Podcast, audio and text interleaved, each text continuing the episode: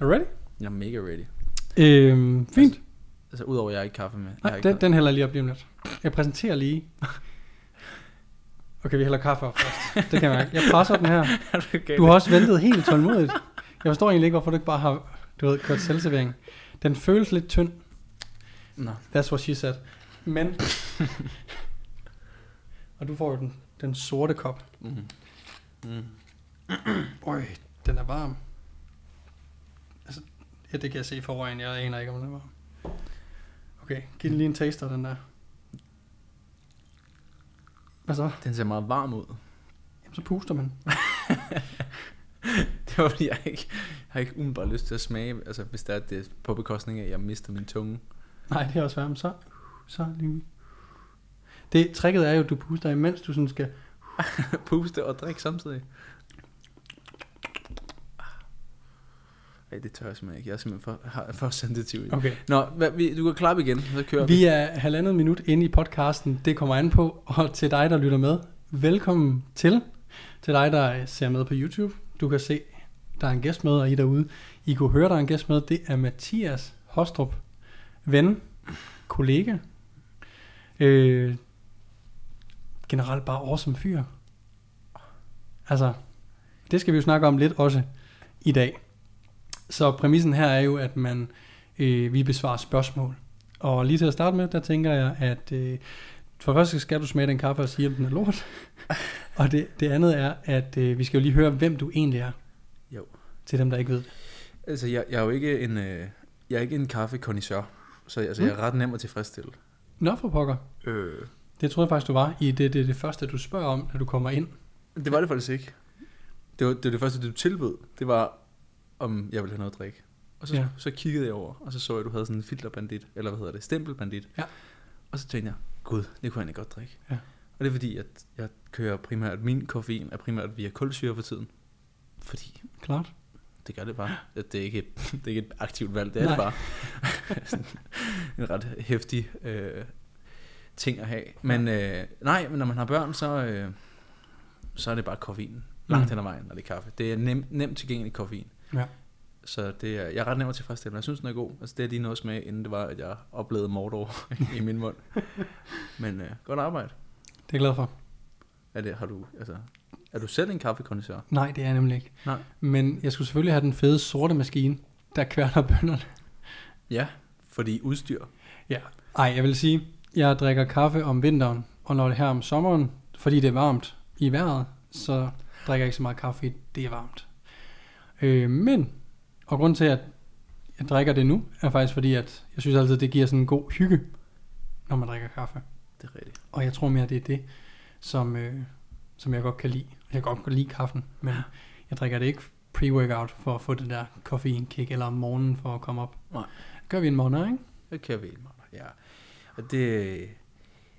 Ja, det, jeg, jeg har ikke decideret i forhold til min koffein. Mm. Jeg tror, at... Øh, det, det er selvfølgelig også fordi, en, en, meget af det at køre pre-workout er også forventningen om dens virkning. Det vil sige, hvis man Klart. har en forventning om, at kaffen den sparker, Mm. så sparker den. Selvfølgelig. Placebo. Og altså, hvor mange personer, der ikke, som ikke er bevidst om, at der er koffein i sådan noget som Pepsi Max eksempelvis, mm. men som bare tyller Pepsi Max, inden de går i seng, og så går de Men jeg sover fint. ja, præcis. Ja. Og så nej, jeg kan ikke tage en, jeg kan ikke tage en sluk kaffe inden, for så er jeg vågen hele natten. Ja. Det har jeg i hvert fald en forventning om. Øhm, Det synes jeg er en rigtig god pointe, faktisk. Tak. Ja, det synes jeg. Fordi altså meget længe, det var, jeg tror faktisk først, da det gik op for mig, der var koffein i Pepsi Max, da øhm, de amerikanske YouTubere begyndte at køre zero caffeine Pepsi Max øh, Cola Zero, jeg sådan, hold up. ja. What? Hvad? Eller måske vidste jeg egentlig godt, der var koffein i, men ikke, jeg havde bare ikke troet, at det var så meget, at man blev hyvet at lave en koffein. Ja, jeg faktisk Så. ikke, hvor mange, øh, hvor mange milligram er der i? En, Men øh, jeg mener, man siger, der er en halv kop kaffe Ja. ja. i, og hvad end det så er, det er jeg ikke lige styr på. ja, ja.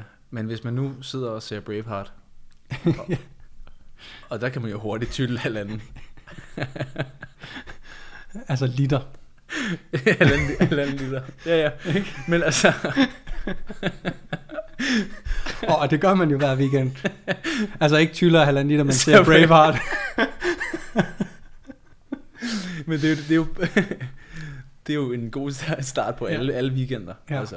Men det, det tror jeg, der er mange, der, øh, der måske ikke tænker over. Og Mm. nu, nu har vi måske fucket op for rigtig mange af lytterne. og siger, drikker de ikke nu, nu, nu har vi bare 18. skabt sådan en insomnia for, Mm. mm. for dine lyttere. Ja, Det, og det vil jeg gerne øh, beklage på forhånd. ja. Og øh, når de ved, når de nu er sure på dig, så synes jeg jo passende lige, du- de kan få lidt at vide om, hvem du, skal være sure på. hvem de skal være sure på, Ja, så klart. hvem du egentlig er. Klart. Ja, vi fik alligevel øh, skubbet intro, introduktionen lidt Ja. Vi var- er det var 6 perfekt. minutter, 5 Perfekt. minutter inde. øh, til dig, lytter. Så er det fordi, at øh, Morten var gæst i min podcast, hvor at, jeg tror halvvejs igennem, der går det op for mig, at det er den gode vært, som jeg nu engang ikke er. Jeg havde simpelthen ikke fået introduceret dig. Så, men det var fint. Du lige øh, lå mig hænge. Det er, det er glimrende. Jeg vil gerne øh, introducere mig selv. Jeg hedder Mathias Hostrup, og hey, skud ud for lige at udtale det rigtigt. Jeg kunne næsten se dit ansigt, hvor umage du gjorde dig. Og det er jo fordi, jeg godt ved, jeg kan jo huske storyen med Daniel, der siger, jeg tror, han hedder Mathias. Ha, ho, ha. Ja, jeg ved det ikke. Der er så mange måder at gøre det på. Men øh, Nå. ja, Mathias Hostrup, og øh, jeg, jeg, jeg, jeg, jeg har to, øh, to søde børn, Emma og Lukas, og en kone, der hedder Pernille, og bor ude på Vestegnen i et lille fint hus, hvor at jeg øh, grundlæggende har det nice. Mm. Øhm, når jeg ikke er sammen med dem, så arbejder jeg i Fitness World som øh, personlig trainingsminister. Det er ikke den officielle titel, men det er... Det er en fed ja, det, titel. Den, den, den officielle hedder Personal Training Lead Ja. East. Og det, det betyder på menneskesprog, det er, at jeg har, øh, jeg har ansvaret for personlig træning på Sjælland, Lolland og Falster. Forstået på den måde, at mine opgaver til daglig er at sørge for, at de personlige trænere, der er i Fitness World, der er en del, de har det nice. Mm.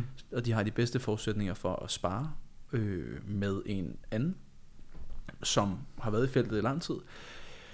Og det er, det er jo det, jeg sådan tuller rundt og gør, og det er super fedt. Jeg har været selvstændig PT'er øh, i ja, hvad er det, 6, 6 et halvt år, tror jeg det nåede at blive til, inden øh, jeg kom, i, fit- kom ind i Fitness World.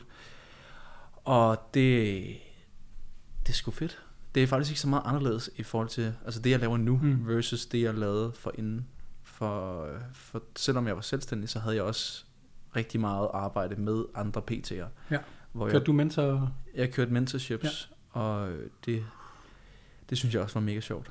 Så det, havde jeg, det kørte jeg både online, og, altså, hvor det kun var ren og skær forretning og sparring, og så havde jeg også en del kunder, som du selv har, Ja. som også er PT'er, som kommer og Jeg kan både- det hele. Ja, og det er jo der, hvor at, der ligger også noget værdi i at selv at have en PT, og hvordan kører du forløb, og man kan måske nå nogle, nogle vedkommendes personlige mål, samtidig med vedkommende får åbnet nogle perspektiver på, hvordan PT også kan være. Så det Ja. er sådan, øh, det er simpelthen det. Så øh, derudover så synes jeg, at træning og bevægelse, det er ret fedt. Jeg er, selvom jeg er en, en jeg er ikke en, en lille, lille fætter som sådan, så kan jeg godt lide styrketræning, men synes er jeg, ikke en slap fætter. Nej, det, det, det, det kommer an på. Ja. Ej, oh. ja, oh, ja. Men, men øh, jeg kan godt lide bevægelsen sådan rimelig altid, selvom jeg måske på papiret ligner en, som er lidt mere niche, fordi jeg, jeg tror, hvis folk kigger på mig, så tænker folk, han løfter kun tungvægt. Mm. Men jeg synes i og for sig, at det er ret fedt at løbe, Ja. og spiller også fodbold, og, og så synes jeg, at sådan noget som øh, styrketræning, det er nice. Mm. Så det er, øh, det er sådan lidt overordnet. Ja. Ganske enkelt. Fedt, fedt, fedt, fedt. Og vi kender jo hinanden gennem social media, fælles venner øh, og så videre. Og som du også fik nævnt, så har jeg været med i øh, din podcast. Det er Lyt, rigtigt. lær og løft. Det er rigtigt. Og det er sjovt, fordi jeg ved ikke hvorfor, men der er blevet flettet et og ind mellem lær og løft. Jeg siger det selv. Men det er det, der det ikke. hedder eller lyt, lær, løft. Men jeg Ah. siger altid lyt, lær og løft. og løft. Jeg tror simpelthen bare, at logoet vil se grimt ud, hvis jeg proppede over ind. Ja. Men, øh, men det er rigtigt. Det har jeg også. Øh, jeg har en podcast, der hedder Lyt, lær, løft. Som er fucking nice. Tak. Som I skal gå ud og lytte til, hvis I ikke allerede har lyttet til den. Hvilket jeg næsten formoder mange af jer har. Men det kan jo være nogle af dem, der ser det her på YouTube, ikke har set slash hørt den. Og det er jo, øh, du, du, du stepper mig jo lige et sted, hvor at, at jeg har jo, nu har Lyt, lær, løft været eksisteret i to et halvt år, tror jeg. Mm. Vi nærmer os snart tre år. Ja. Og jeg har for siden dag et tænkt, vi skal snart på YouTube. Ja, og det er ikke kommet. Og, det, det, Og hvorfor er I ikke kommet der? Fordi du optager det jo. Ja, jeg optager det. Ja. det er præmissen for podcasten. Øh, Nå, men, øh, på video. ja. Altså, du optager ja, også ja, video. Ja, ja, ja. Det er det, jeg mener. Planen var... Nu skal du ikke spille mig dummere end jeg. Nej, det var, heller, det var virkelig heller, det var virkelig, det var heller ikke, virkelig ikke hensigten. Nej, det er rigtigt. Det er fordi, da du var... Da, det var. Sætter den bare live på Instagram, og så bare kører, så er det bare sådan once in a lifetime episode. Du må bare høre med, eller så kan du bare lade være. du ved godt, du har jo optaget... Nej, det, det er rigtigt, fordi da du var der, der havde jeg jo videomand på. Ja. Og, Kapper. Kapper, Kasper. Øh, C-Rock, som jeg kalder ham.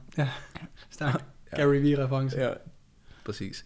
Men, øh, men vi- det har vi aldrig fået gjort. Nej. Og i og med, at der ikke har været, det ved du som podcast der er ikke vanvittigt mange øh, patter, dinero, skies, penge i at lave podcast. Langt hen ad vejen, så øh,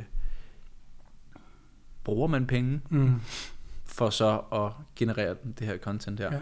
Og så kan vi sagtens, sagtens snakke ind i, at der selvfølgelig bliver genereret noget værdi og noget økonomi via indirekte salg, via øget kendskab osv. Men der kommer et tidspunkt, hvor at sådan, jeg kunne ikke... Var, det en, var det også, skulle det være en økonomisk beslutning, hvis det var at gå på YouTube? Det skulle, Altså, være, det det, det, skulle være sådan, at lige nu der havde... Altså Kasper fik virkelig ikke... Jeg, tror, jeg ved faktisk ikke, om han fik nogen penge nogensinde, men det var ren og skær pro bono. Mm. Og det han fik var øh, ikke, altså det, det er næsten, hvor man tænker, det, ja. det kan man ikke tillade sig. Det vil sige, hvis det var, det skulle på YouTube, så ville vi insistere på, at så skulle han også have. Klart. Og det, Ja, så får man ikke taget det skridt. så får man ikke taget det skridt, og så gik det ud i, så, så, så ligger arbejdet i at finde noget sponsorater. Lige så snart der kommer noget sponsorat, så kommer der også nogle forventninger, Mm. så kommer der noget i forhold til øh, frekvens, der kommer noget i forhold til varighed, der kommer noget, måske noget i forhold til øh, indhold, mm. alt efter hvad for en, en sponsor man får. Klart. Men alt det her kan vi koge ned til tid, man skal bruge på det, som ikke er at optage. Og præmissen for at lave en podcast er, at jeg synes, det er fedt at optage og møde mennesker som dig, og, og så videre, og sidde og, og, og chatte over Ja. sådan noget. Men øh, jeg, jeg, jeg, jeg ser jo selv øh, rigtig mange ting, både der kører, så synes jeg også er klart federe at, at, at se Ja. YouTube-delen, og det, det, det giver jo bare noget. At man, Jeg, jeg vil også sige, at det der med at køres, er, at når vi er fem, så kan det også godt nogle gange blive lidt snakken i munden på hinanden. Og det er nemmere ikke at lade sig påvirke af, hvis man ser det samtidig, ja. end hvis man bare hører det. Ja. Øh, vi har også set, at, at sådan, interessen for YouTube, folk skulle lige forstå til at starte med, at det også var på YouTube. Ja. Og stille og roligt skal man se fordelingen øh, bliver mere og mere 50-50. Ja. Og jeg har faktisk også en forventning om, at den kommer til at chippe over til YouTubes ja. Fordel, når folk finder ud af, at det er bare lidt federe at se det, end at kun at høre det. ja. Øhm, Og så, altså, så kommer det også an på settingen, fordi YouTube kan noget. Det, er, Mhm. mm. men det kræver, at man, man har det som værende øh, hovedbeskæftigelsen langt Ja. hen ad vejen. At sige, nu skal jeg se det her. mm, Hvor jeg tror, mange podcast øh, lyttere, connoisseurs, de, øh, de bruger det som en bibeskæftigelse ja. til et eller andet A, øh, en A-aktivitet. Og der er det cykle, transportere sig generelt. Selvfølgelig, så det kan, hvis du gerne vil køre igennem øh, København på et elløbehjul, mens du har hånden op foran dig, mens du ser det køres, så, så det er en, en Held og lykke. Held og lykke, men, øh, Og pas på andre, især dig selv. når politiet kommer, så siger man bare, tak, kør. Ja. Yes. Så øh, det var bare på YouTube. Så folk, der ser med på YouTube, ja, jeg vil ønske, at der også var YouTube på Ja. ja. Lyt Løft, det er der ikke. Nej. Og så Om har- ikke andet, så skal de ind og høre det. Ja. Det var Jo, faktisk bare det. Det, præcis. Det var en god decoy. Og så Ja. har jeg også en podcast, der hedder Så tager vi den. Og der taler jeg med mennesker, som ikke nødvendigvis har noget med træning at gøre. Men øh, det ved du også selv. Altså podcast, det er jo bare en dårlig undskyldning for at snakke med folk, men måske ikke nødvendigvis vil møde til daglig. Det er sjovt, hvordan... Øh, jeg kan også huske, Peter Faltoff var med i øh, Lytte Lære Løft, Ja. uden og. Øhm, og det sagde han jo, der var rigtig mange på et tidspunkt, jeg ved også vores producer på, øh, der køres. Anders, han har jo interviewet Nikolaj Likos Mm? i hans øh, Forgrim til TV podcast, som så ikke eksisterer længere. Men det er sådan, da podcaster, sådan er det måske også allerede, eller stadigvæk, da det var nyt i hvert fald, der var sådan, alle sagde bare ja til og komme og snakke om dem selv. Det er helt skørt. Ja. Jeg har fået rigtig mange beskeder om sådan, hvordan får du X, Y, Z med? Hvordan får du vedkommende til at deltage Mm. til, til det her? Og den helt nemme, eller det helt kedelige svar er, jeg skriver til dem. Jeg, jeg sender dem en DM. Ja. Og så er der selvfølgelig nogle af dem, hvor man skal være lidt kreativ. Sådan en som, øh, som Roland Møller, Mm. ham, øh, ham gik jeg bare over til. Han, træner i VB. Han, han trænede i VB, og jeg tror, jeg underviste. Jeg, jeg tror faktisk, jeg var på arbejde. Jeg underviste øh, på en PT-uddannelse, hvor jeg havde, havde elever. Ja. Så så jeg ham deroppe, og så tænkte jeg, Gud, han kunne sgu da være fed. Så gik jeg over og snakkede med ham, så ville han gerne. Fucking fedt. Fedt. Og det vil sige, det kræver selvfølgelig også lidt, at man, man, man gør det, så at sige. Men Det er, om det er at slide DM, eller sige, Mm. hej Marker, kæft mand, jeg synes du er, du er nice, nu skal du høre, jeg har det her, hvad siger du om det her? De fleste siger ja, på en eller anden måde. På en eller var der ikke noget med en parkeringsplads med en fodboldspiller, hvor din søn har en forkert trøje på? Jo, det var, øh, det var Daniel Akker. Øh, Åh. Det var Daniel Akker, Ja. og øh, jeg, jeg har som udgangspunkt, jeg har ikke noget problem med at gå over til, til, til folk overhovedet, og øh, så længe man har øvet sig på at gøre det på en, en fin, og ikke Mm. sådan øh, pistolsælgeri-agtig, ja. kommer køb-agtig. Men øh, jeg havde min søn med, som øh, havde United-tøj på, og jeg tror i og for sig også, at jeg havde en United-blues på, og vi Ja. skulle i Rødovre-centret, og vi når ikke komme derover, men jeg, jeg når at træffe valget, sådan, altså han er jo blødende Liverpool-legende, mm. Mhm. og til øh, ikke fodboldkendere, så er Liverpool og Manchester United, det er sådan lidt ligesom Brøndby FCK. Øh, De er ikke så gode venner. Ja, du, faktisk, det er Brøndby FCK bare plus moms. Ja. sådan, sådan, så det, øh, så det er en valg, jeg ikke at gøre. Men øh, så forsøgte jeg mig selvfølgelig på Twitter med at skrive det, fordi så kunne det være, han så det, Mm. og synes det var sjovt. Men hey, nogle gange så tager man øh, nogle long shots, og jeg har, det, det, det, det, han ikke bed på der, det er jo, ja, Det kan være, jeg, jeg andet har oplevet vildere ting, eller mærkeligere måder, at en, en podcastgæst lige pludselig kom, kom, i, kom i havn. Så øh, ja, for at bruge total kliché, ej, jeg, jeg nægter simpelthen at bruge Michael Jordan. Øh, du mister 100%. ja, At de skud, du ikke tager. ja, præcis. Og så indsætter du selv øh, violin på, øh, Ja. på efterredigeringen. Øh. Klart. Cool. Ved du hvad, øh, det var introduktionen. Jeg tror lige, vi tager en lille pause, og så kommer vi tilbage og svarer nogle, på nogle spørgsmål fra jer lyttere. Skal du have mere kaffe? jeg er ikke færdig. Jeg tager lige noget mere. Men, Velkommen tilbage til for pausen. Øhm, faktisk, nu vildledte jeg lidt lytteren, fordi jeg sagde, at vi ville tage nogle spørgsmål, der kom fra dem. Og det er faktisk ikke det, der kommer til at ske. Lige her til at starte med. Uh, gameshow. Så fordi det, jeg synes er ret unikt ved øh, dig, Maddie, det er din måde at kommunikere på. Især på Instagram, men sandsynligvis også i virkeligheden, men nu har jeg jo mest set det på Instagram, og jeg fik en lille smag for det faktisk bare, da jeg hentede dig, og du snakkede telefon med en PT fra øh, Fitness World, hvor du brugte en filmreference der, med at du skulle gå Inception på klienten og få dem til at indse, at noget andet var fedt, eller sådan et eller andet. Nu var jeg ikke lige helt inde i samtalen. Men jeg synes, vi, øh, jeg kunne godt tænke mig at spørge dig, hvor fanden kommer det fra? Hvor kommer den her evne til at tage noget så komplekst og formidle det så børnehavsagtigt, så, så let forstå det. Jeg synes selv, jeg er god til det. Jeg kan godt få folk til at forstå ting. Øh, men en ting er at stå og snakke med dem. En anden ting er at lave en grafik og lave en tekst, som får folk til at bare sige, pling, nu fatter jeg det. Og hvis I ikke ved, hvad jeg hentyder til lige til at starte med, så kan I gå ind på Mathias' Instagram-fil. Den er fyldt med de her infoer, infographics, øh, Karsten med C, ikke? Jo. Hvordan, hvor, hvor stammer alt det her fra? Øh, jeg tror, altså, i bund og grund, så stammer det jo helt egoistisk fra, hvordan jeg selv ser og oplever verden. Ja. Og hvordan jeg selv lærer bedst. Og jeg, jeg husker bedst sådan via, det lyder, det lyder dybt, men Mm. mm. via sådan øh, følelser eller øh, billeder, storytelling af en eller anden art. Det, øh, jeg ved ikke, om det er mærkeligt, men min fortid er næsten sat op omkring, hvis jeg skal referere til, hvor jeg var et Mm. sted i 2010 eller et eller andet, så sætter jeg det op omkring Champions League finaler. Ja. fordi jeg altid på en eller anden måde kan huske, hvor jeg var, og hvem jeg var sammen med, og, og, og så på en eller anden måde, så, for, så, så, så finder jeg en reference frem til det, jeg skal finde frem til. Ja. Det var dem, der var i, øh, i bronzefinalen øh, der, det var dem der, for jeg var på et hotel, hvor tyskerne gik amok i Karlsruhe, et eller andet. Og det er sådan, min hjerne, den går, det er jo langt hen ad vejen omvej. Men jeg tror bare, når man er god til at tage omvej, så tror jeg, man bliver god til det, man gør meget. Så hvis man er vant til at tænke A til B, Mm. jamen der står det her i en bog, det vil sige, hvis jeg skal videreformidle det, så, øh, så tager jeg direkte, sætter mine egne ord på, og så derudad. Ja. Jeg, tror, jeg tror, jeg har en lidt længere vej omkring, at min hjerne helt automatisk tager på sådan en tur, der hedder, det er lidt ligesom, eller det svarer jo lidt til, Ja. og det gør den helt ubevidst. Og det, altså nogle gange, så bliver det jo, altså, så kan det blive langt ude, og det er jo der, hvor man så undervejs bliver bedre til at sige, okay, jeg behøver ikke komme med en anal- analogi eller forklare du, det. Du tager lige rin-testen på noget af det. Ja, altså, Ved du det nej. Det bliver du ikke så klovn. Jeg testede dig bare lige.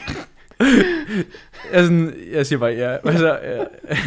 Rin, rin-testen er øh, noget, Frank siger til Mia, når hun kommer ud i nogle lidt lange historier, Mm. som enten ikke er relevante, øh, interessante eller nødvendige. Mm. Urintesten. Nå, ja, ja, Ja. helt klart. Ja. Og der, øh, der giver det jo mening, og der er jeg blevet bedre til Ja. at prøve at afstemme rummet omkring, hvem er det, jeg, hvem er modtageren. Og det er jo, det er jo noget, som har, det, jo, det bliver jo selvforstærkende, fordi hvis, jeg, hvis det er min primære måde at kommunikere på, så appellerer jeg jo til folk, som også godt kan lide at blive i gåsøjne undervist eller Mm. formidlet til øh, visuelt. Ja. Øh, tale i billedsprog, tale på måske ikke så, jeg vil nok ikke så elitært, eller Mm. ikke så, øh, øh, ja, direkte, så at sige. Og så bliver det jo sådan en law of attraction. Det betyder, at mine kunder bliver folk, der har en, eller mine klienter er jo så folk, som appellerer godt til det, og responderer ja. godt på det. Og så bliver jeg jo bedre til det, fordi jeg finder ud af, jamen det virker herover.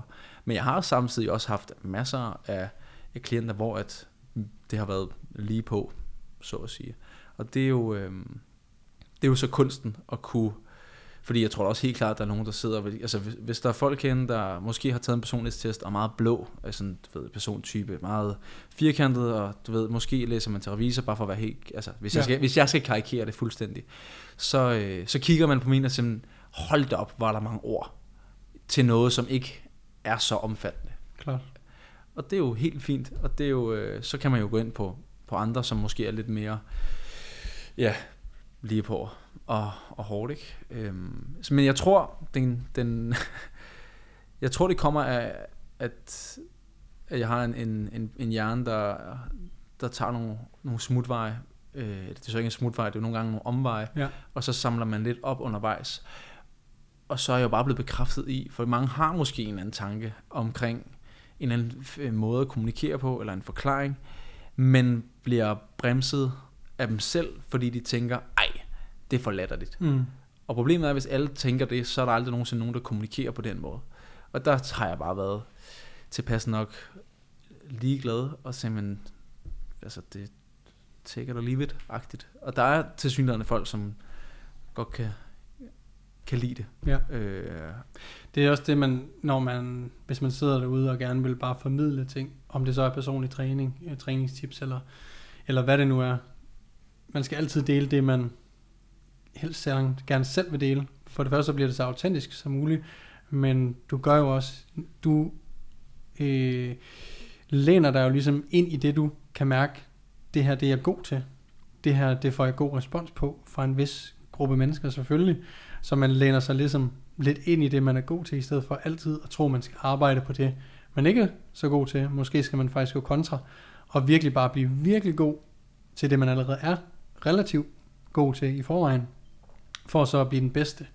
Og her går det jo så lige, bliver det jo sådan lidt niche-agtigt, fordi Mathias bliver ham, jeg altid kan spørge, hvis der er et eller andet kompleks, jeg ikke aner, men som jeg regner med, mm. at han ved noget om, så kan han forhåbentlig få mig, om ikke 100% derhen, men i hvert fald langt Ja. hen ad vejen til at forstå Helt klart. Og, og, og det, er jo, øh, det er jo en grænse.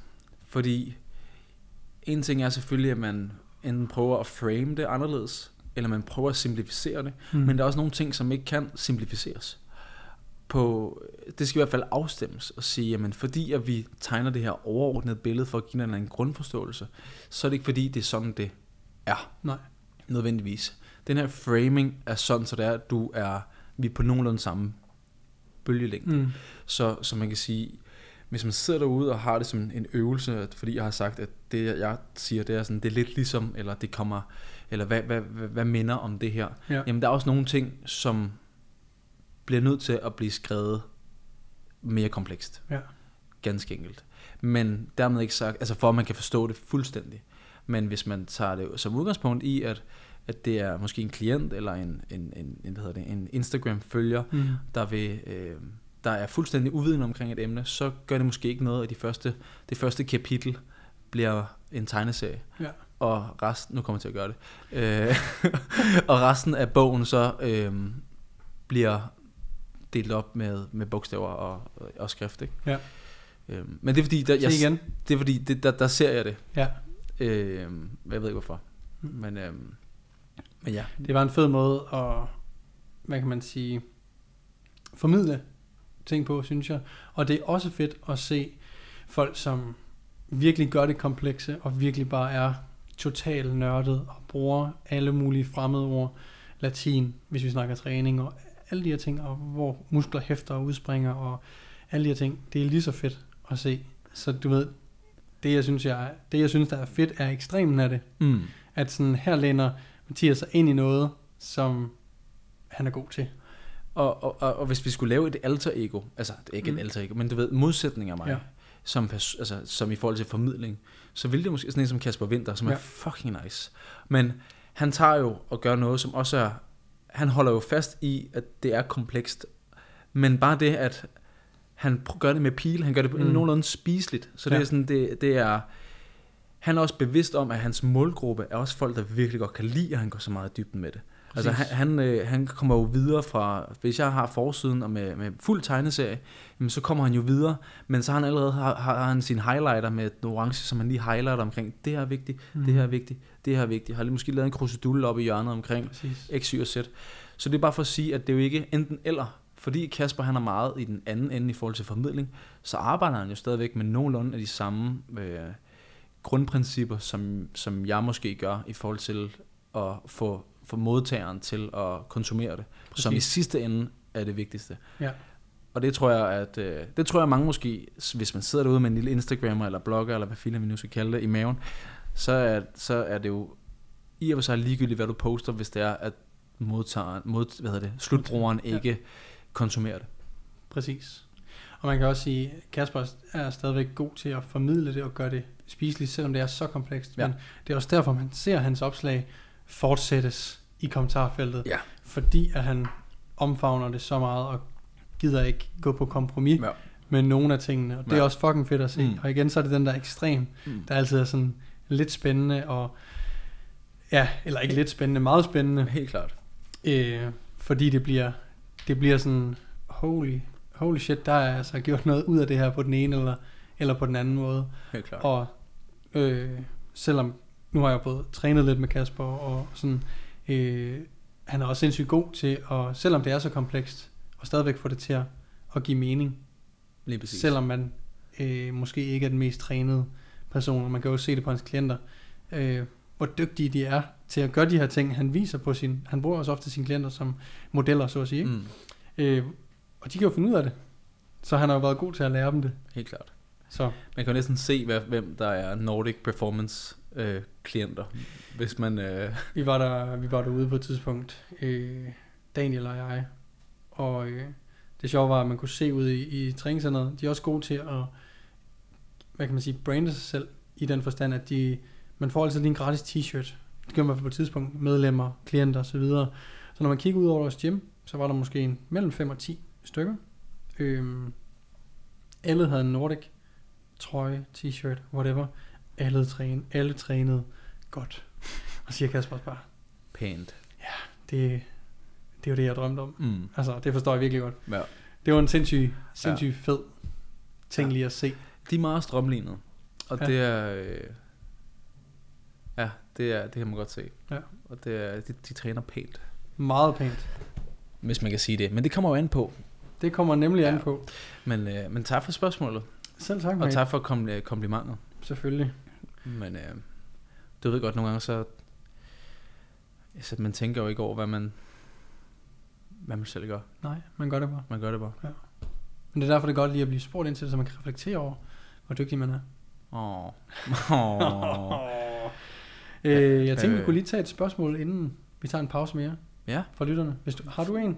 jeg har, jeg har umiddelbart ikke en. Du har umiddelbart ikke en. Øh,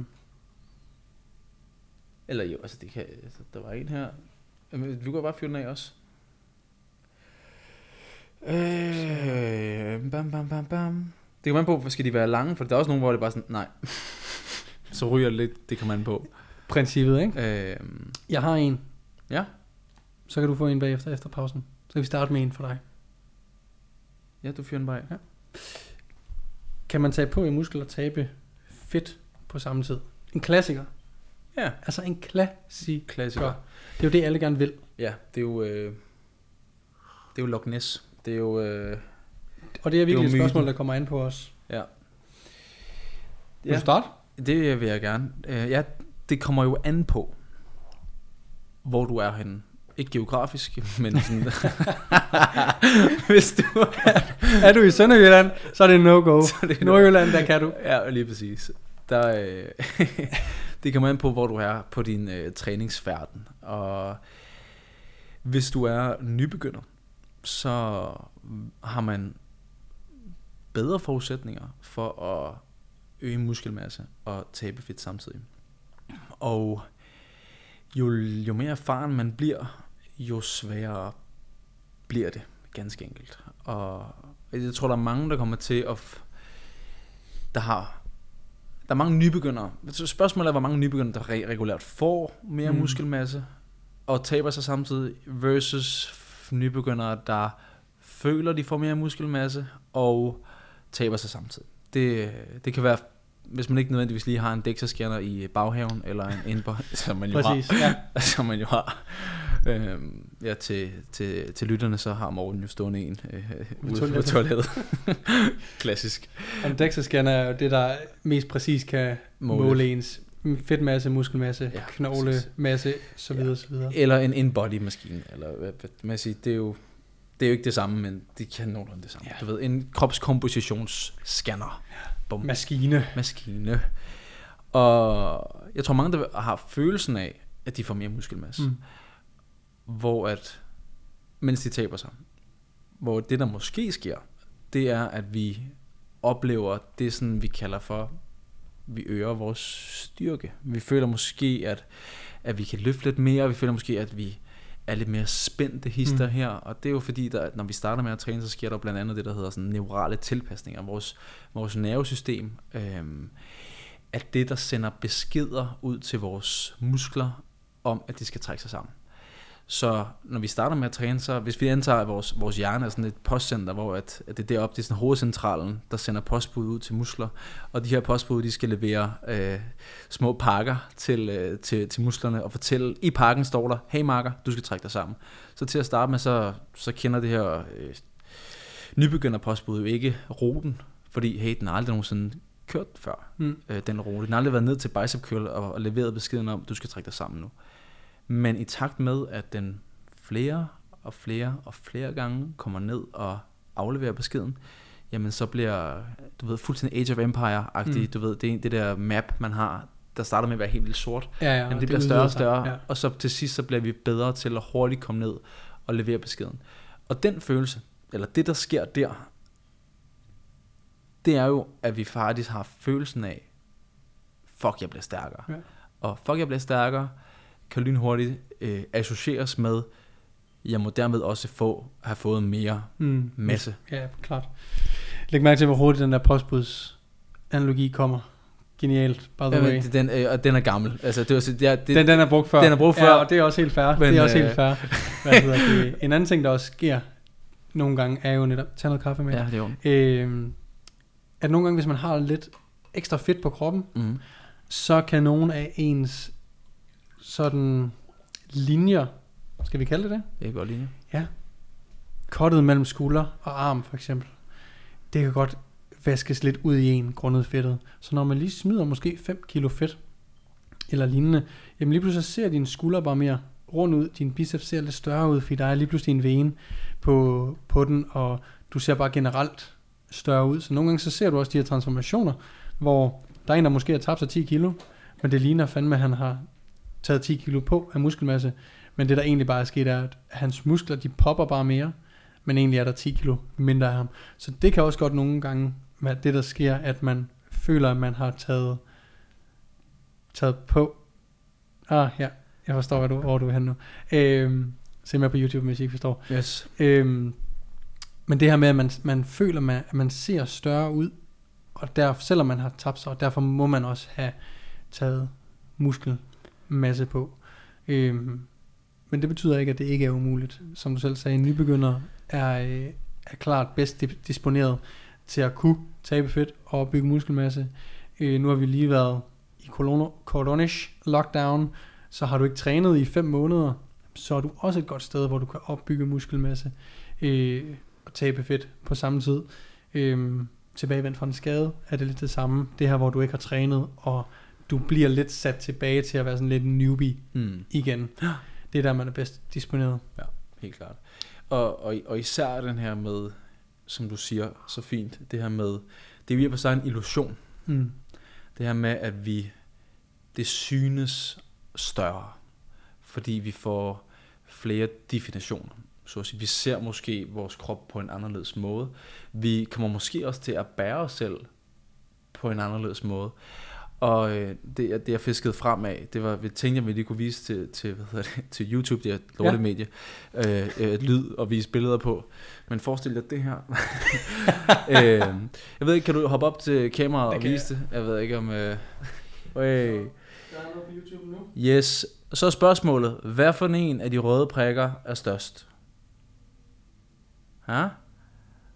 Og det, det vi har vist, det er, at øh, det er to, hvad der ligner blomster. Altså det er, det, altså, Det er to blomster. det er to blomster. Hvor Den ene har nogle store blade, den anden Ja. har nogle meget små blade. Ja, præcis. Og som udgangspunkt, så ligner øh, den ene, øh, hvad hedder det, ho- hovedknop, at, Den, den røde knop. den, den røde midten. knop, at den er markant større end den anden. Mm. men udelukkende i forhold til de omkringliggende. Ja. Og igen, det var ganske enkelt også bare, det var det, det var det billede, jeg fik op i hovedet. Det er det, der også sker, hvis der man kigger på, hvad hedder det, øh, sin, sin krop med måske lidt mere fedt på, og så lige pludselig så, så ændrer øh, forholdene sig, så fremstår det anderledes, selvom det måske er det samme. Klart. Ganske enkelt. Så fordi der lige pludselig er en, en ændring, eller hvad hedder det, mængden af fedtmasse kontra muskelmasse er lige pludselig ændret, og derfor får du den her illusion af, at prikken er større Ja. i den ene side end den anden, så at sige. Lige præcis. Og øh, ja, så det var, øh, ja, der var noget med noget styrke, Ja, Og Jamen. nu har vi snakket om, for, altså faktisk sådan, hvorfor det ikke, eller andre grunde til, at du måske tror, at du får bygger muskelmasse Præcis. og taber fedt. Men som du selv siger, det kan også sagtens øh, Præcis. lade sig gøre. Og det kan lade sig gøre, og måden man får det til at ske på. Og det gælder faktisk også folk, der, når man ikke kan, eller når man er så avanceret og trænet så længe, at det næsten er umuligt at tage muskelmasse på, samtidig med, at man taber sig. Hvis man gerne vil være lean og mean, og se ud som en fucking movie star til sommer, ikke? Og en maskine. maskine, så, øh, så gælder det altid om at træne således at... Åh, oh, det går lige op for mig. Og ikke noget. Jeg er bare... For, jeg, jeg, ikke noget. Glem det. altså, Det er bare sådan en halv time ind i podcasten. Så tænker jeg lige på, om jeg har skruet ordentligt op for de her mikrofoner her. det er sygt, du ikke sidder med, altså, Ja, tænker jeg bliver, det, det ryger bare fuldstændig ud af men jeg, jeg sidder jo altid med øh, headphones i, for at sikre mig, at der Jamen. er lyd i. Men du ved, det, hvad står den på? Jamen, den står på 10 i den ene og 8 i den anden. Det er også sådan lidt... Og det er også højt, var. Ja, skruer lige lidt ned på den ene. Er det dumt? Det er dumt. Så, så hellere, så hellere skrue på den øh, i masteren. Hvad mindre den overstyrer. Overstyrer den dernede? Det ved jeg ikke. Det ved du ikke? Hvad mener du med overstyr? Det vil sige, kommer den op på rød? Nej, nej, den kommer ikke ud. Er du sikker? Der gjorde den. Men sådan taler jeg heller ikke. Nå, Nej. det jeg vil sige var, at hvis man gerne vil tabe fedt og opbygge muskelmasse, eller tabe fedt og bibeholde muskelmasse, så skal man altid træne med henblik på at bygge muskelmasse. Også selvom at det ikke er muligt, så skal hensigten ligesom være stadigvæk at lave progressiv overload, få nok protein, få nok søvn osv. Øhm, og så kan det være, at du er så heldig, at du, hvis du er så avanceret, at du slet ikke mister noget muskelmasse i dit cut, shredness. Det kan også være, at du er taber minimalt. Det kan også være, hvis du er lidt øh, noob, så at sige, til træning, eller ny i det, øh, at du rent faktisk tager en lille smule muskelmasse på. Men sådan metoden til øh, at opbygge muskelmasse samtidig med, at man taber fedt, er den samme, som hvis man vil biholde, bibeholde så meget muskelmasse som muligt, imens man smider fedt. Det er bare igen, hvor man er hen i sin træningskarriere, om det er det ene eller det andet, der sker. Men man gør faktisk præcis det Ja. sammen. Lige præcis. Så der er ikke noget magisk Nej. for det. Nej. Det handler udelukkende om, hvor er du? Og så skal du sådan mere eller mindre gøre det samme. Mm. Og så er det klart, at nybegynderen har nok fokus på lidt nogle andre ting. Teknik og så videre, ikke? Helt klart. Og så, så er der jo også hele den her med, at hvis du gerne vil to ting på en gang, versus at du dedikerer dig til et projekt, så at sige, så vil man, som, man, man vil godt kunne lave en hypotese om, at man så la, la, gør det mere langsomligt, hvis det er, at man vil begge ting på en gang. Mm. Eller, det var meget politikers svar. Det vil man højst sandsynligt opleve, hvis det er, at man både vil tabe sig og bygge muskelmasse, versus en anden gut, der bare vil bygge muskelmasse. Mm. Jamen, den, den gut vil højst sandsynligt opnå mere øh, fremgang i muskelmasse, end den anden. Ja. Og så vil vedkommende højst sandsynligt lidt, måske lidt old school setup, når vedkommende så har fået den muskelmasse, vedkommende ønsker i den her fase, så vil vedkommende måske ændre fokus og ja, det man vil kalde for lægge et kalorieunderskud, kotte, shred sig ned, et eller andet, sådan så man deler i gåsøjne opgaverne eller målene op i to øh, separate faser. Men det kommer jo an på, hvad, hvad, hvad der giver mening. For nogle så kan det være svært at, at så sige, nu gør vi det her, for det Mm. sekund folk ser øh, fedtmassen stige, kan det være at folk sådan, åh oh, nej, hvad fanden er panikker, eller hvad det nu kunne være.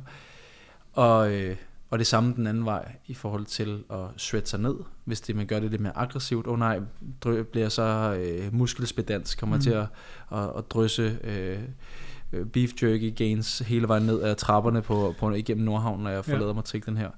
Det, øh, det er højst sandsynligt ikke det, der kommer til at ske, men jeg anerkender følelsen. Klart. Og nogle gange skal man også bare rent og skære skifte mål, fordi man ser en eller anden film, hvor øh, Chris Hemsworth spiller øh, Thor, og så tænker man bare, fuck, hvorfor er det, jeg ikke ligner ham? Jeg bliver nødt til at være shredded ja. as fuck. Og langt selvom hår. jeg ikke, ja. Og nu skal Hvor jeg bare mit hår gro. Skat, hvor min hammer? Altså, så, men sådan, to be honest, jo mere du kan stick to one thing i længere tid, især ja. når du træner naturligt, Ja. jo bedre. Ja. Så, Ikke det bedste eksempel er jo, er jo Risen, altså Da- Daniel, Ja. som hvad, har været i kalorieoverskud i hvad, fire år, og Ja. så nu er det første gang, ja, siden 17, at han prøver det der kalorieunderskud. præcis. Og det gør han endda kun i, han er færdig om to-tre uger, tror jeg. Og så er han tilbage på Han har faktisk fødselsdag i dag. Jeg har ikke skrevet til ham. Jeg åbnede lige en års med øh, Hippora. Det er din fødselsdag. Han var der ikke, men Han altså, jeg åbnede års. Selvfølgelig. Han er altid. øhm, nej, men bare lige sådan for lige at samle op på, på spørgsmålet, så ja, det kan godt lade sig gøre at opbygge muskelmasse, øh, samtidig med at du smider fedt, men det kommer an på, hvor du er. Ikke geografisk, men i din træningskarriere. Øh, Øh, og tilgangen til at opbygge muskelmasse, samtidig med, med at man smider fedt, er den samme tilgang, man egentlig vil have, hvis det er, at man prøver at smide fedt, men bibeholde så meget muskelmasse som muligt. Så det er at skabe progressiv overload, blive stærkere over tid, sørge for, at du får nok søvn og nok protein, og ligger på de rette kalorier selvfølgelig, at, at du ikke er for aggressiv i, din, i dit cut. ja. Øhm, eller hvis du er super lean i dit overskud, så at sige faktisk. Ja. Der er jo nogle af de der, der er helt, helt tynde, som faktisk ser ud til bare udelukkende at bygge muskelmasse, når de kommer i et lille overskud. Ja, og der er også bare noget med fedt deponering, hvor Ja. altså, altså, jeg tager ret, meget, altså ret hurtigt på i fjeset. Ja. Det vil sige, at... Øh, men igen, for at bruge sådan som Daniel, fordi han har snakket om det forleden nærmest, Ja. at han tager fedt på på ryggen Mm. og på, på, på benene. Og det er ikke så in your face. Altså, sjovt nok. Det er ikke så... det, det er ikke så synligt. Det vil Nej. Sige, at han kan godt gå i lang tid måske og sige, "Men hvordan kan du bare gro og gro og gro? Jamen det er fordi, alt sætter sig på, på røven. Mm. Eller på stortåen. Eller Præcis. Random. Og det er også derfor, at nogle gange, Daniel han er, nu går han ikke, han går faktisk aldrig i t-shirts. Men jeg kan nogle gange se, at han godt har, han har nogle øh, veins i skulder og arm, som sandsynligvis er der relativt hele tiden. Og det er jo fordi, at der ikke sætter sig lige så meget fedt der, som der måske gør på røven. Og derfor ser det altid mere imponerende ud. Så du har fuldstændig ret det her med fedtdisponering i, i forhold til, der er nogen, der har sixpack året rundt, selvom man egentlig godt kan se, at de har lidt håndtag. Mm. Sådan er det jo bare. Sådan er det bare. Ja. Det, det er der ikke noget at gøre med jer. Det er bare fucking øh, universet og gener. Sådan er det. Jeg tror, vi tager en lille øh, pause. Your parents. Fuck your parents. Hvad? Hvad? Jeg tror, vi tager en lille pause på den. Og ja. Så pauser jeg den her vægt. Velkommen tilbage fra pausen. Ikke at det har været en lang pause. Det er ikke sådan en pause, hvor at der er sådan en TV3-reklame. jeg vil ønske, fordi det ville betyde, at, at øh, der, kom, der kom nogle moneter ind på kontoen. Jeg, øh, der er jo en, der følger, der køres, som øh, ikke kan lide mig. Nå. Altså, han kan bare ikke lide mig. Nej. Så øh, da han finder ud af, at jeg startede min egen podcast, så siger han, hold kæft, det er en dum beslutning.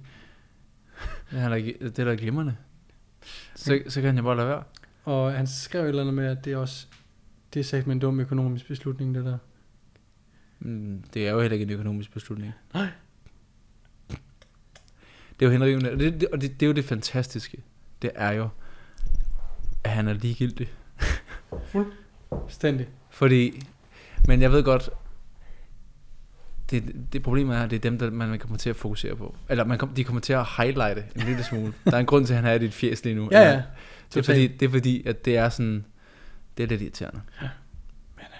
Så giver man ham lidt kærlighed. Ja. Der kommer flere spørgsmål fra Ja. lytteren. Der er faktisk en, der skriver, at synes jeg er et lidt vildt spørgsmål. Ja, altså jeg har lige fortalt det til. Men jeg synes stadigvæk det. jeg tror, jeg tror, uh, okay, Ja. spændende. Ej, det er, øh, hvor mange penisringe kan du have på tidsmanden ad gangen? Hold da op. øhm, Du behøver ikke svare med. det bliver bare akavet. men altså, Kløjs i din sodavand. Vi er jo gået øh, til Pepsi Max i stedet for kaffen. Jeg sveder jo som en i... jeg har også knappet op. Og det er... Øh, Nu er du nede på Mark Jespersen niveau. Ja. Der var ikke så meget chest her. Nej, og det har jeg det okay med. Altså, jeg har jo sådan noget det- teenage test chest her. Jeg, har- altså, jeg har jo også kun lige, lige rundt om pepperonien. det er jo... Ja. Niklas er også vild. Ja, ja, prøv at høre. Altså, man Jeg har jo, altså, jeg har jo ikke engang i ansigtet. ikke. Jo. Nej. Altså, men til gengæld, så har jeg høje tændinger. Med bare roligt, det får vi alle. Og det har vi alle, skal jeg hilse at sige. Øh, det vilde spørgsmål, det var ikke det med penisringene. Det var bare, det var, det var simpelthen for sjov. Det er simpelthen komik. Satire. I må gerne grine, det er okay. Undskyld, jeg åndede jeg sådan ind i ørerne. Jeg synes, det var voldsomt. Ja. voldsomt. Øh, spørgsmålet er et bud på et godt øh, full body program tre gange om ugen med både øvelser, set, reps. Så det der bliver spurgt om, det er, giv mig nu bare fucking full body program tre gange om ugen. Ja. Øhm, kan vi, jeg har jo øh, DN Coaching øh, programmet med, øhm, så jeg tænker, jeg bare Læs læser, op. læser bare lige op. Ja, yeah. så det kommer jo an på. Det, så, det, jeg tror, det der, nu tager jeg styring, det er ikke Ja. meningen, Jamen, det men man kunne overveje, hvis vi skal gøre det her, at øh, og så lige opstille en case. For sådan, hvad, Jamen, hvad, du, hvad, og hvad det er bliver vi nødt til, fordi det kommer an på. på? Så man bliver nødt til, det er en kvinde, der spørger. Det er en kvinde, der spørger. Så det er den første ting, Det er den første vi ligesom kan antage, at man er kvinde. Jeg antager faktisk ikke. Vi kan se, hun er en. Ja, det hun er faktisk rigtigt. Ja. Eller vi kan jo selv bestemme, om det ud for hende. Vi- Det vil være strengt, og så bare kigge på hende, som har, du ved, lidt implicit gerne vil have et gratis program. Ja. Og så bare tage en case, der er sådan diagonalt modsat. ja. Nej, det gør vi selvfølgelig ikke. Nej. Fordi Vi er ordentlige mennesker. mennesker, der er ordentlige, er vi. Men Så. vil du tage styringen, eller skal jeg bare lige tage den igen? Du tager den, undskyld. Nej, det er fint. Jeg tager Det er en kvinde, der spørger. Og selvfølgelig så kommer det an på, hvad målet er med programmet. Og man, jeg synes godt, at man sådan kan, man kan godt gøre det meget, jeg ved ikke om blødt er det rigtige ord, men man kan godt, jeg kan hurtigt sige nogle ting, som sådan er super generelle og ikke særlig specifikke, men som stort set alle kan bruge i et vist omfang. Men igen, så ved man ikke helt, hvad fanden, hvem, hvem skal bruge det, og hvad, Mm. hvis man øh, ikke kan sammensætte et, et, træ, øh, et fuldbordet-program til at starte med, hvordan skal man så bruge de her informationer? Så jeg tænker måske, vi kunne stille to cases op. Øh, den ene være en, der gerne vil være stærk, og den anden være en, der måske gerne vil tabe sig, men stadigvæk gerne styrke træ. Ja. Altså han har et lille overlap i forhold til, altså det forrige spørgsmål, ikke? Altså, Jo. Det her, altså, Ja. Fordi pointen med den case vil være, at der ikke vil være så vanvittigt meget, så meget anderledes. Nej. Men øh, lad os starte med øh, vedkommende, der skal være stærk. Stærk, tænker jeg. Ja. Og altså, vi kan jo lave sådan en generel ting som udgangspunkt. Så vil vi jo sandsynligvis begge to bygge det op omkring, øhm, vi har nogle kategorier af en eller anden art, nogle former for bevægelseskategorier, som vi gerne vil sikre os på en eller anden måde er med.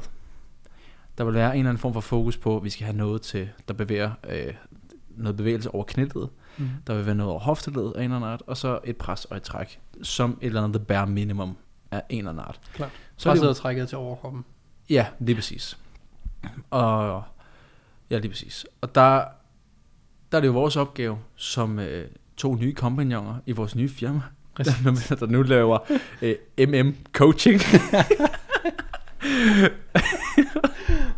og vi laver både 80. øh, fandme booty-program Ja. og fuld blown away. Det er så godt, fordi Niklas han Ja. kommer her efter. Jeg håber, han kommer til at høre det her. Ja, det gør han ikke. Nej. Nej, men, øh, men det er... Øh, så det vi gør, det er, at vi, vi, vi, antager, okay, vi skal have noget bevægelse over knæledet, fordi vi ved, når der kommer noget bevægelse over knæledet, øh, eller en, en øvelse, som er knædominant, mm. så er det fordi vores forlov arbejder. Det skal vi have. Så tjek ved den, den parkerer vi. Så skal vi have noget til hoften, hvor at den primære bevægelse sker over hofteledet. Det er vigtigt, fordi så ved vi i et eller andet omfang, at vores baller baglår arbejder. Vores pres til overkroppen skal vi også have med, fordi så sikrer det os, at vi har vores øh, bryst, skulder og triceps med i et eller andet omfang. Og vores træk til overkroppen er vigtigt, vi har med, fordi så vi sikrer vi os, at vi i et eller andet omfang har øh, vores ryg, biceps og bagskulder med i et eller andet omfang. Nemlig. Og det er sådan musklerne. Bum. Ja. Og så er der også noget mave og noget læg Mm. og underarmer og sådan nogle ting, Ja. som kan blive ekstra arbejde, hvis man ligesom har lyst til og føler, at man har brug for det. Men som du siger her, de her fire bevægelser er ligesom the bare minimum, og det er det, vi skal have styr på først. Ja. Og så er det jo der, hvor at sige, de her ekstra, øh, vi kunne kalde det for dessert Mm. Det er vores, vores fire, øh, Vores main course. men vores hovedret ja. er, øh, er ligesom på, på, på, øh, på tallerkenen. Og man kan sige, alt efter hvad for en hovedret vi vælger, kan så også lidt bestemme, hvorvidt om vi har appetit til desserten. Mm. For man kan sige, vælger vi i og for sig, lad os nu sige, at vi vælger en dødløft variant, og man har måske også, det kunne være fedt, hvis man træner noget underarm. Spørgsmålet er, mm, hvor vigtigt er det at lave wrist curls, hvis vi har øh, dobbelt overhånd, snatch grip, øh, RDL Ja. eksempelvis, fordi der er rimelig meget greb der. Måske er det nok, det kommer an på, hvor stor underarm du egentlig vil have. Præcis. Kommer, kommer ikke til at se sådan her ud, hvis det er, at... Øh, At du ikke laver lidt dessert Lidt efter dessert. træ- lidt, uh, lidt underarmstræning. ja, øh, ah, det er krampet der. Til lytteren, så er det bare Mathias, der sidder og flexer sin overdådige underarm. Frank McGrath underarm. ja, bare med ingen veins. altså, hvis Frank McGrath tog 20 kilo På- på under Underarmen. Så må man selv vurdere, hvor meget det totalt set skal være. Meget lokalt. Jamen, det der sker, det er, at jeg tager 20 kilo på bundarmen, og så er det jo bare game over. Hver hver gang man kommer ind til et spisebord, bare... Ja. Hey. men, men det samme i forhold til, øh, hvis man valgte, lad os nu sige, nu vælger vi øh, en dødløft Mm. som værende hofte. Øh, og vi vælger måske også en squat som værende vores knæ, øh, kategori, eller knæøvelse. Så, så er spørgsmålet, i og med at vi har to lidt større co- compound øh, løft, altså flerledsøvelser, mm. så, øh, så ved vi, at vores stimuli til vores stamme, vores torso, vores core, vores abs, om man vil, den vil også være relativt høj, fordi arbejdskravet for at holde en, en, en øh, overkrop, der ikke falder forover, vil være, øh, det arbejdskrav vil være ret højt. Ja. Så spørgsmålet er, hvor, hvor meget det vil give mening at tilføje ekstra dessert til, øh, til maven. God pointe. Nu har vi vores øh, squat og vores dødløft. Hvad, øh, hvad, hvad for nogle træk og hvad for nogle pres skal vi have? Ja, Og hvad så, skal vi ellers have? ja det, det jeg så vil, det man skal tænke på, det er, at vi har tre træninger om ugen. Mm. Så når vi vælger en, vi har en, til overkroppen har vi pres og træk i både det horisontale og det vertikale plan. Så vi har noget, hvor vi presser foran os selv, eller trækker til os selv i det horisontale, og vi har noget, hvor vi presser over hovedet og trækker ned fra over hovedet. Og man kan sige, at den vi vælger her første gang, det kunne for eksempel være, at vi vælger en bænkpres øh, mm, sammen med vores squat og- og dødløft. Øh, og vi vælger en pull-up, eller ekscentrisk pull-up, eller pull-down, altså en i det vertikale plan. Så vil jeg næste gang, jeg træner, så vælge det modsatte. Det vil sige, næste full body træning vil jeg måske vælge en skulderpres, altså en pres over hovedet, og jeg vil måske tage en single arm cable row, øhm, for at trække i det horisontale Mm. plan. Så man ligesom skifter lidt ud i det. Mm. Øhm, det er klart, når vi træner tre gange om ugen, så vil der måske være to pres i det horisontale, og en i det vertikale, Yep. eller omvendt. Ja. Og det er ikke så fucking vigtigt. Nej. Øh, det kommer selvfølgelig, eller det er det jo måske, hvis, hvis du gerne vil være god til at bænke, så skal du måske have en øh, til lidt mere til at presse i det horisontale Ja. plan, øh, end, end det vertikale. Sagde det rigtigt? Mm, Det skal du sige igen i hvert fald. Jeg tror, jeg sagde rigtigt. Hvis du gerne vil være god til bænkpres, så skal du presse i det horisontale Ja, plan. det er korrekt. Godt arbejde. Tak. Øh, om jeg var ikke i tvivl om, det var rigtigt, det var mere, om jeg fik sagt noget andet. Det, øh, ja, det, det ja. kender vi alle. det kan jeg godt. Øh, men igen, så vil jeg egentlig bare alternere Ja, en lille smule. ja og man, man kan jo sige, det er jo vigtigt også at forstå, at nu snakker vi to øh, lodret vandret, Mm. og øh, mellem lodret og vandret, der, Der er er der, ikke, der er der ikke kontinuum, altså der er der også et spektra. Ja. Så Og det er der faktisk også nedad. Og det er der også nedad. Hvis vi nu bliver i presset, så er Ja. der jo alt fra en dip til en decline bench press til en flad til en, altså en flad bænkpres, til en skrå bænkpres, til en mere skrå bænkpres, til et skulderpres. Og så har vi ikke engang snakket omkring fly Mm. og raise bevægelser. Præcis. Øhm, så det er jo, fordi vi forsøger at sætte ting i system, øhm, betyder ikke, at der, der er stadigvæk nogle ting, der er ud over det. Præcis. Øh, så at sige.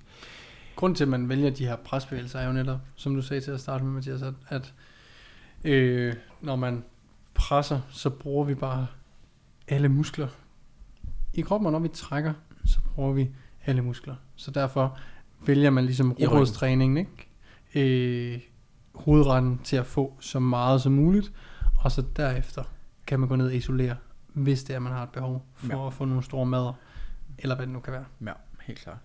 Og nu, nu differentierer vi jo så på dagene mm. i forhold til øh, lodret vandret i, øh, i overkroppen. Og nu har vi jo bare sat squat og dødløft på.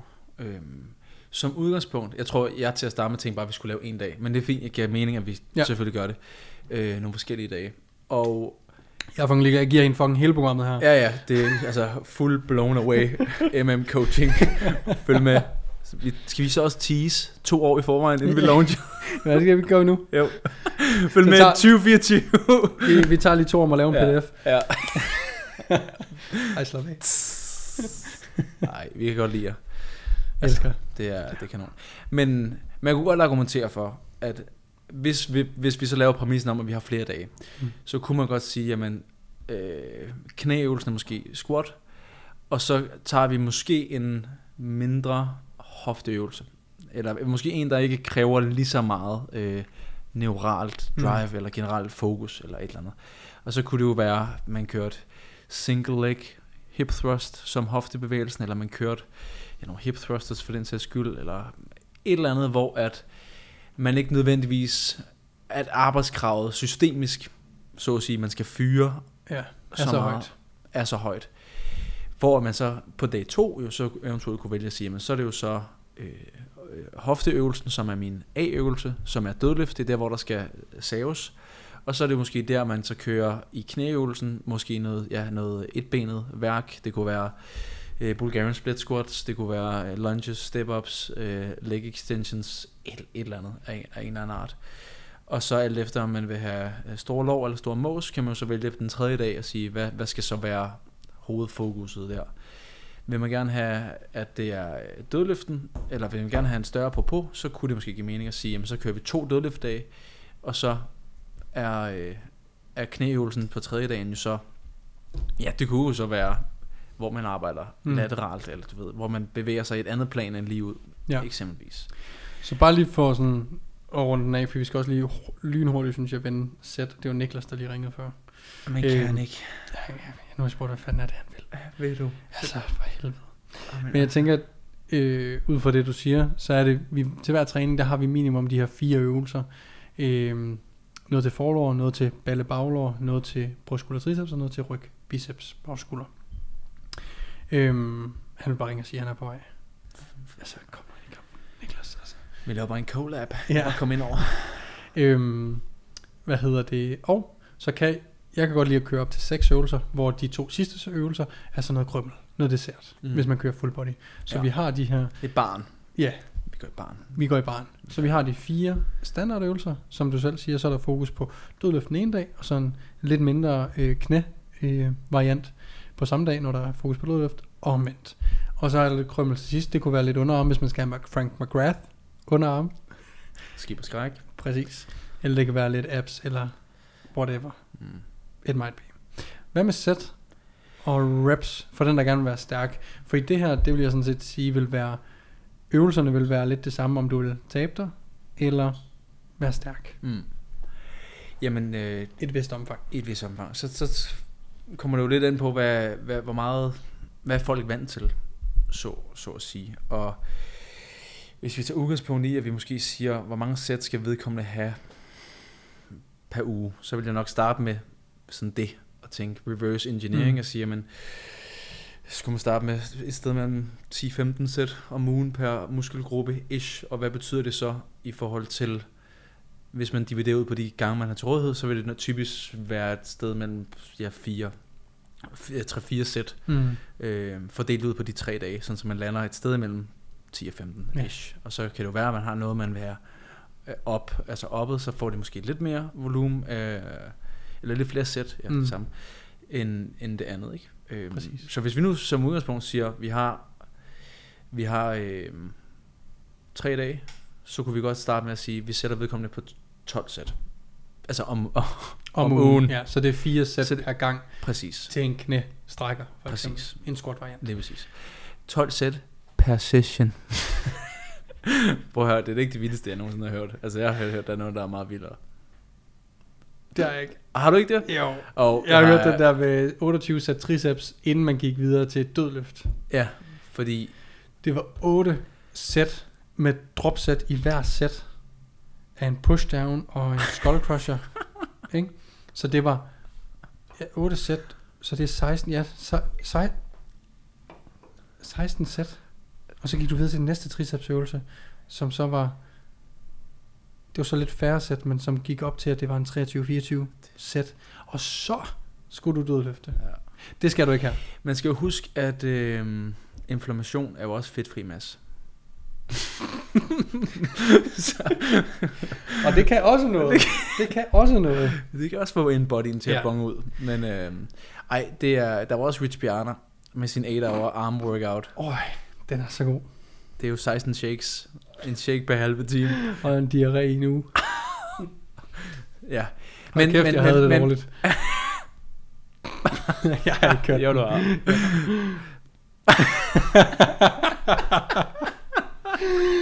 Ej, seriøst, jeg har ikke kørt den. Juleaften. Ikke? Stag. Inden man skal hjem og have gris. Yes. det er kanon. Men Ja. ja. 12 sæt på, på ugen, Ja. ja. ganske enkelt. Præcis. Øhm, så vi dividerer det ud, gør det nemt. 4 sæt. Bum. Videre.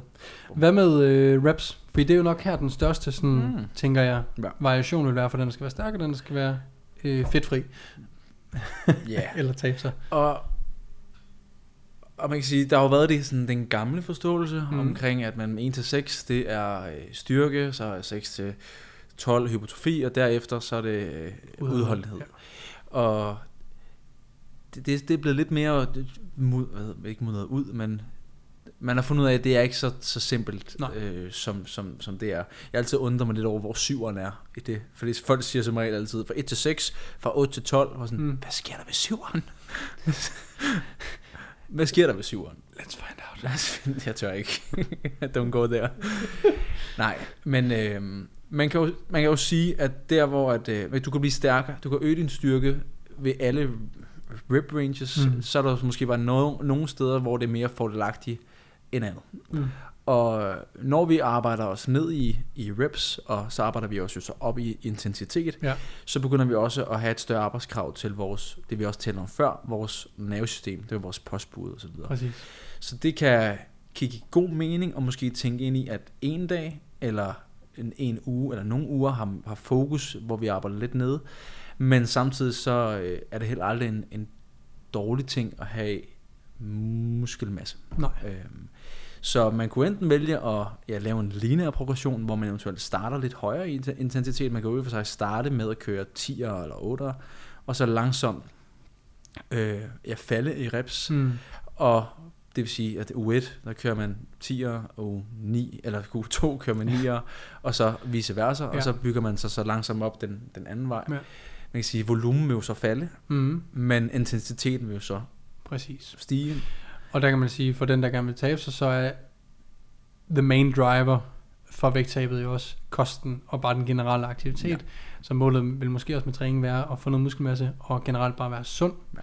Ja. Øhm, så kan man så snakke om, hvad man godt kan lide. Så hvis man ikke har lyst til, altså hvis man ikke kan lide at løfte så tungt, så er det jo så der, man kan ligge i den lidt højere ende, hvor det bliver måske lidt mere 10-15, måske endda helt op til 20, hvor det er måske handler lidt mere om at få sved på panden, men samtidig stadigvæk høste nogle gains, for det gør du stadigvæk også i rep rangen 10-20.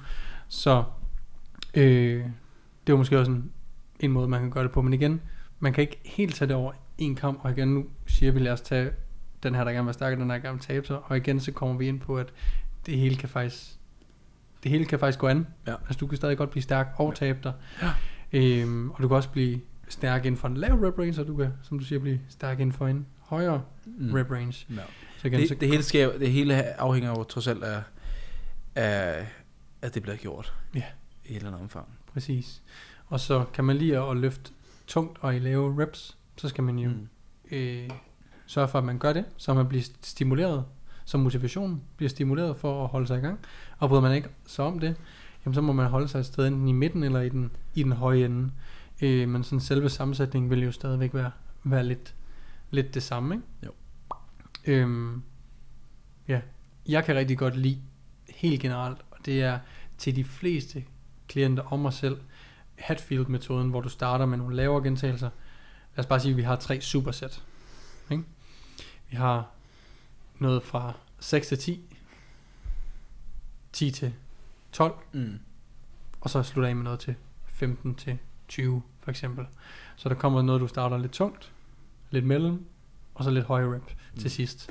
Det giver sådan en fedt flow i træningen, Ja. og det er næsten uanset, om du vil være stærkere muskelmasse. Skal du nys, Mægt? Nej, overhovedet ikke. okay. Men jeg, jeg har en bøvs, der er på vej. men, det,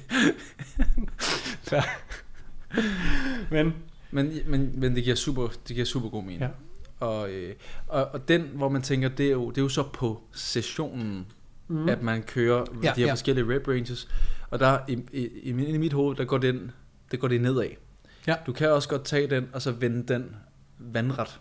Ja. Sådan så i stedet for, det er på øh, dagsbasis, Ja. at du har øh, 4 til 6, øh, 6 til 8, øh, plus 12, Mm. så kan du også, i stedet for det er klokken øh, 9, klokken 9.30 og klokken 10, at man har de forskellige rep ranges i sin session, Mm. så kan det være mandag, onsdag, fredag. Præcis. Så du kører 6'er mandag, 10'er onsdag, 15'er Ja. fredag. Og vi kan sig også gøre det med, at vi dividerer ud på en måned. Mm. Eller sådan så det er, at vi siger, det er uge, øh, uge øh, 27, er det 4 til 6'er. Ja. Ja, og så er det uge 7, 28, er jo så 8'er. Ja. Og plus 12'er uge den næste uge.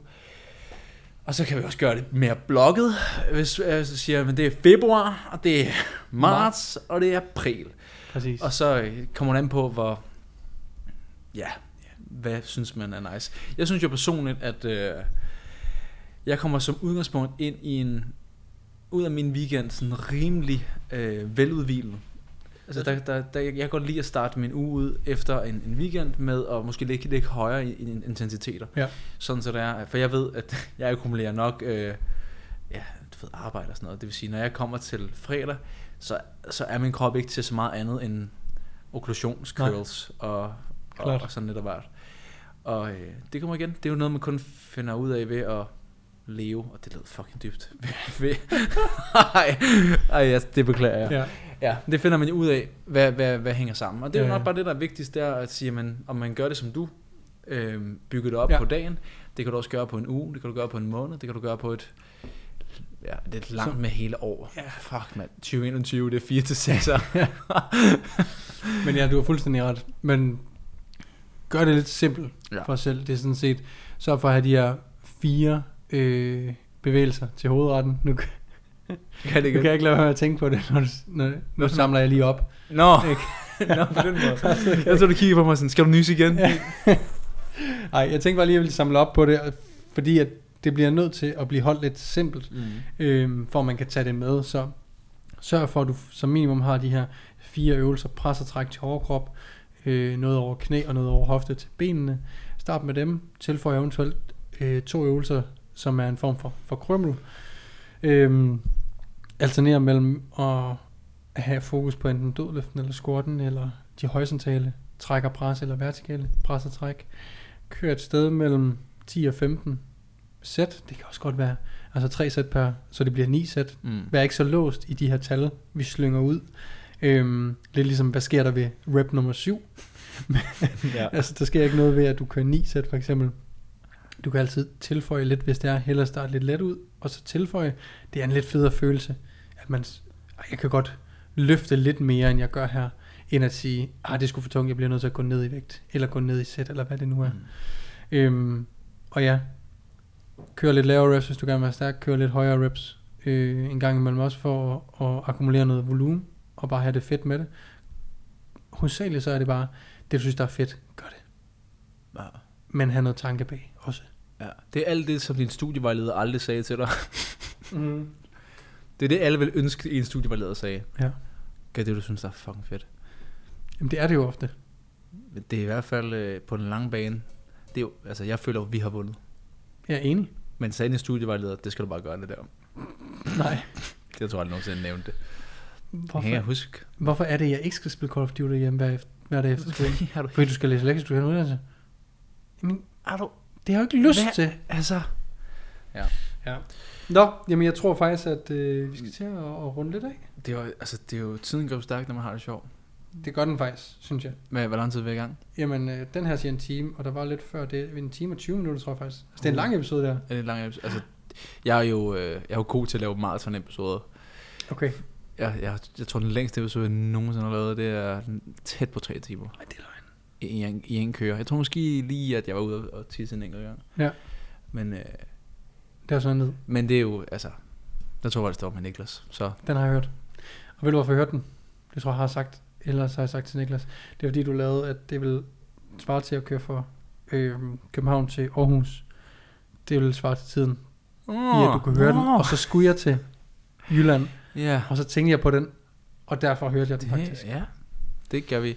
Så hvis du hører det her, så svarer det jo Og skal til Midtfyn, Mm. så, så Næsby.